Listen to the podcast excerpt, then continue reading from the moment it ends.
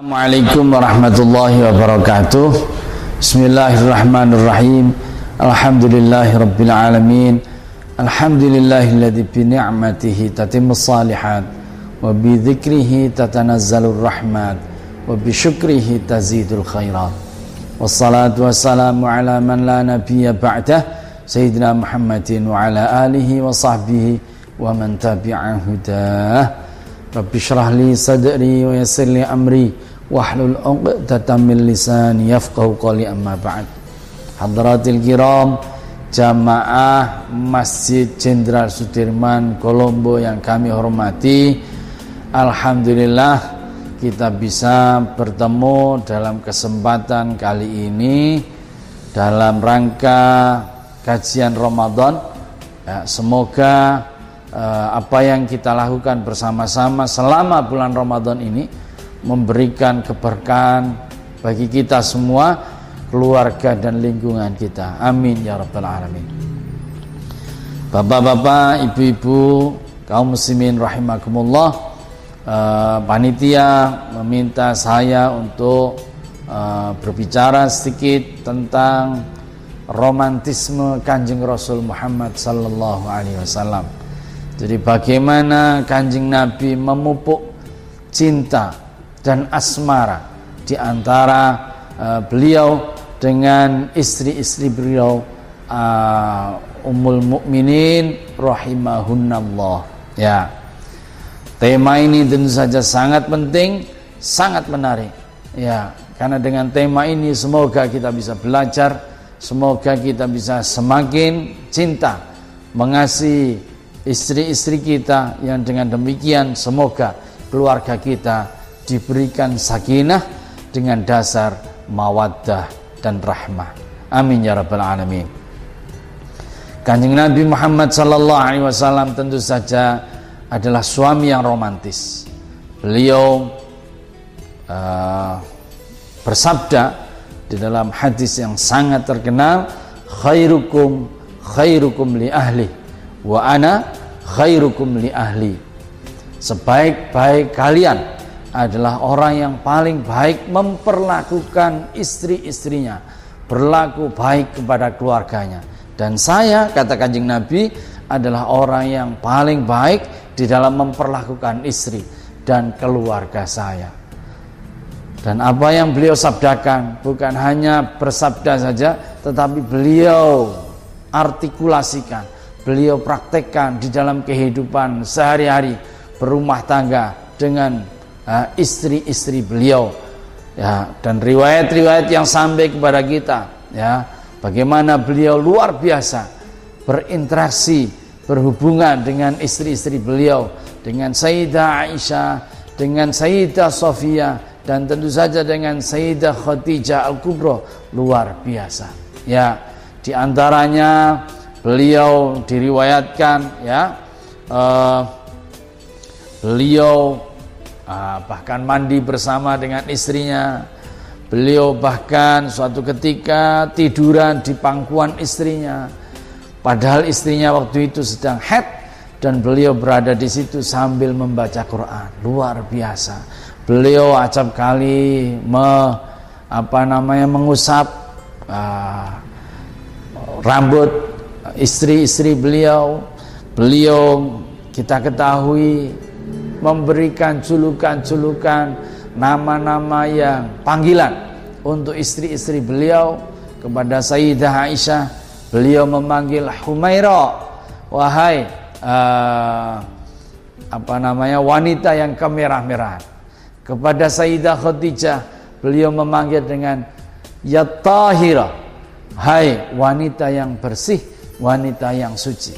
Ini tentu saja adalah bagian dari bagaimana Kanjeng Rasul Muhammad sallallahu alaihi wasallam memupuk romantisme, memupuk asmara, memupuk rasa cinta dengan istri-istri beliau.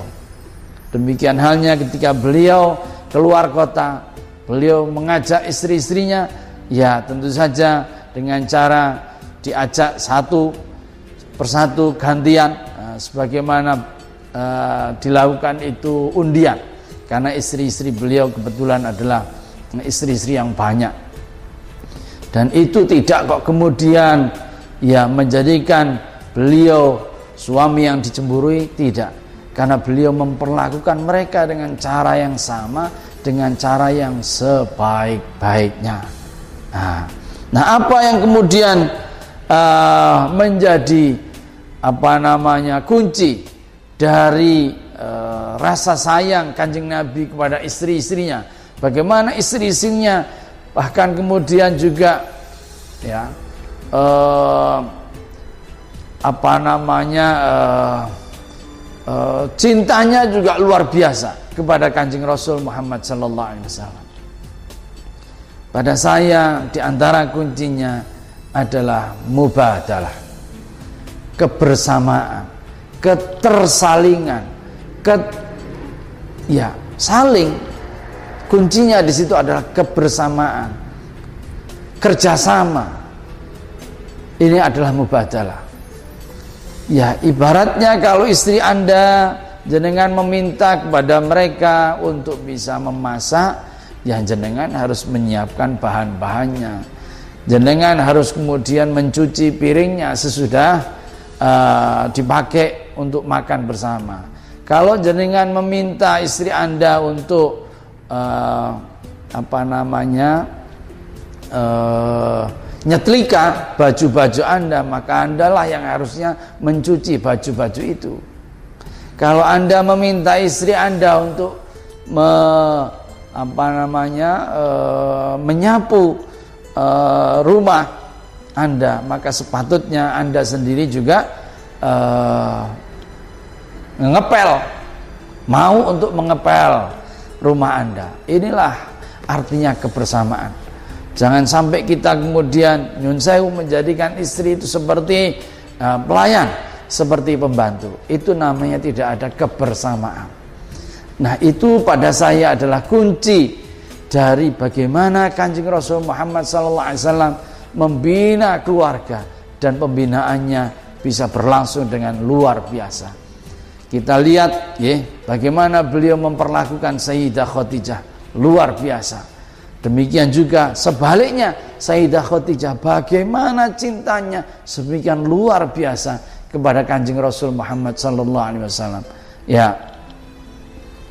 Saking hebatnya cinta itu ketika Sayyidah Khadijah tidak ada, Kanjeng Nabi mendeklarasi tahun kematiannya dengan tahun kesedihan amul huzni.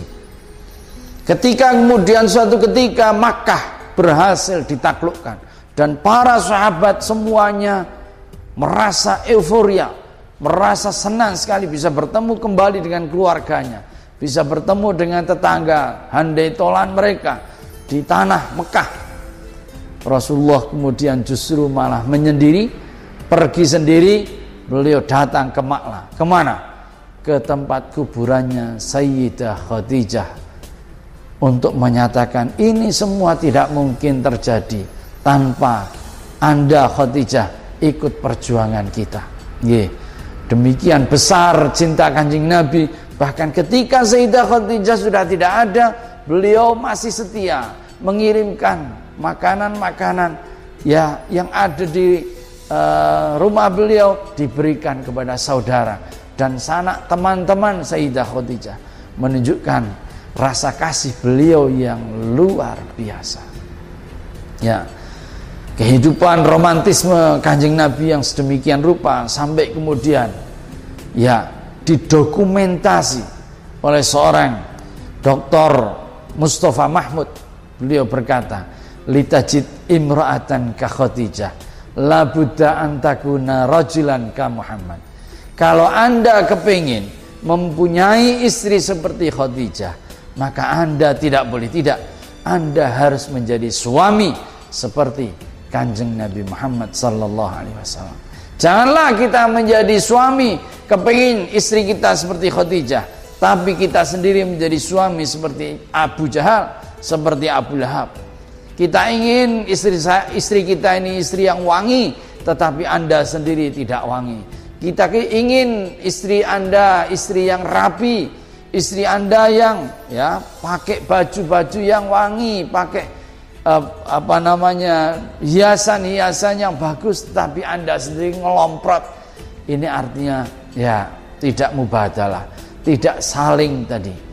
Inilah saya kira uh, penting kita belajar dari romantisme kanjeng Rasul Muhammad sallallahu alaihi wasallam dengan istri-istri beliau yang dengan begitu mari semoga ya keluarga kita uh, bisa menjadi keluarga yang sakinah keluarga yang harmonis, keluarga yang maslahah, keluarga yang memberikan kebaikan, bukan hanya kepada internal keluarga kita, tetapi juga kepada lingkungan dan masyarakat sekitarnya. Demikian saya kira apa yang bisa saya sampaikan. Semoga bermanfaat, semoga bisa difahami dengan baik dan saya akhiri wallahu taufiq wal hadi ila sawa'is sabil. Wassalamualaikum warahmatullahi wabarakatuh.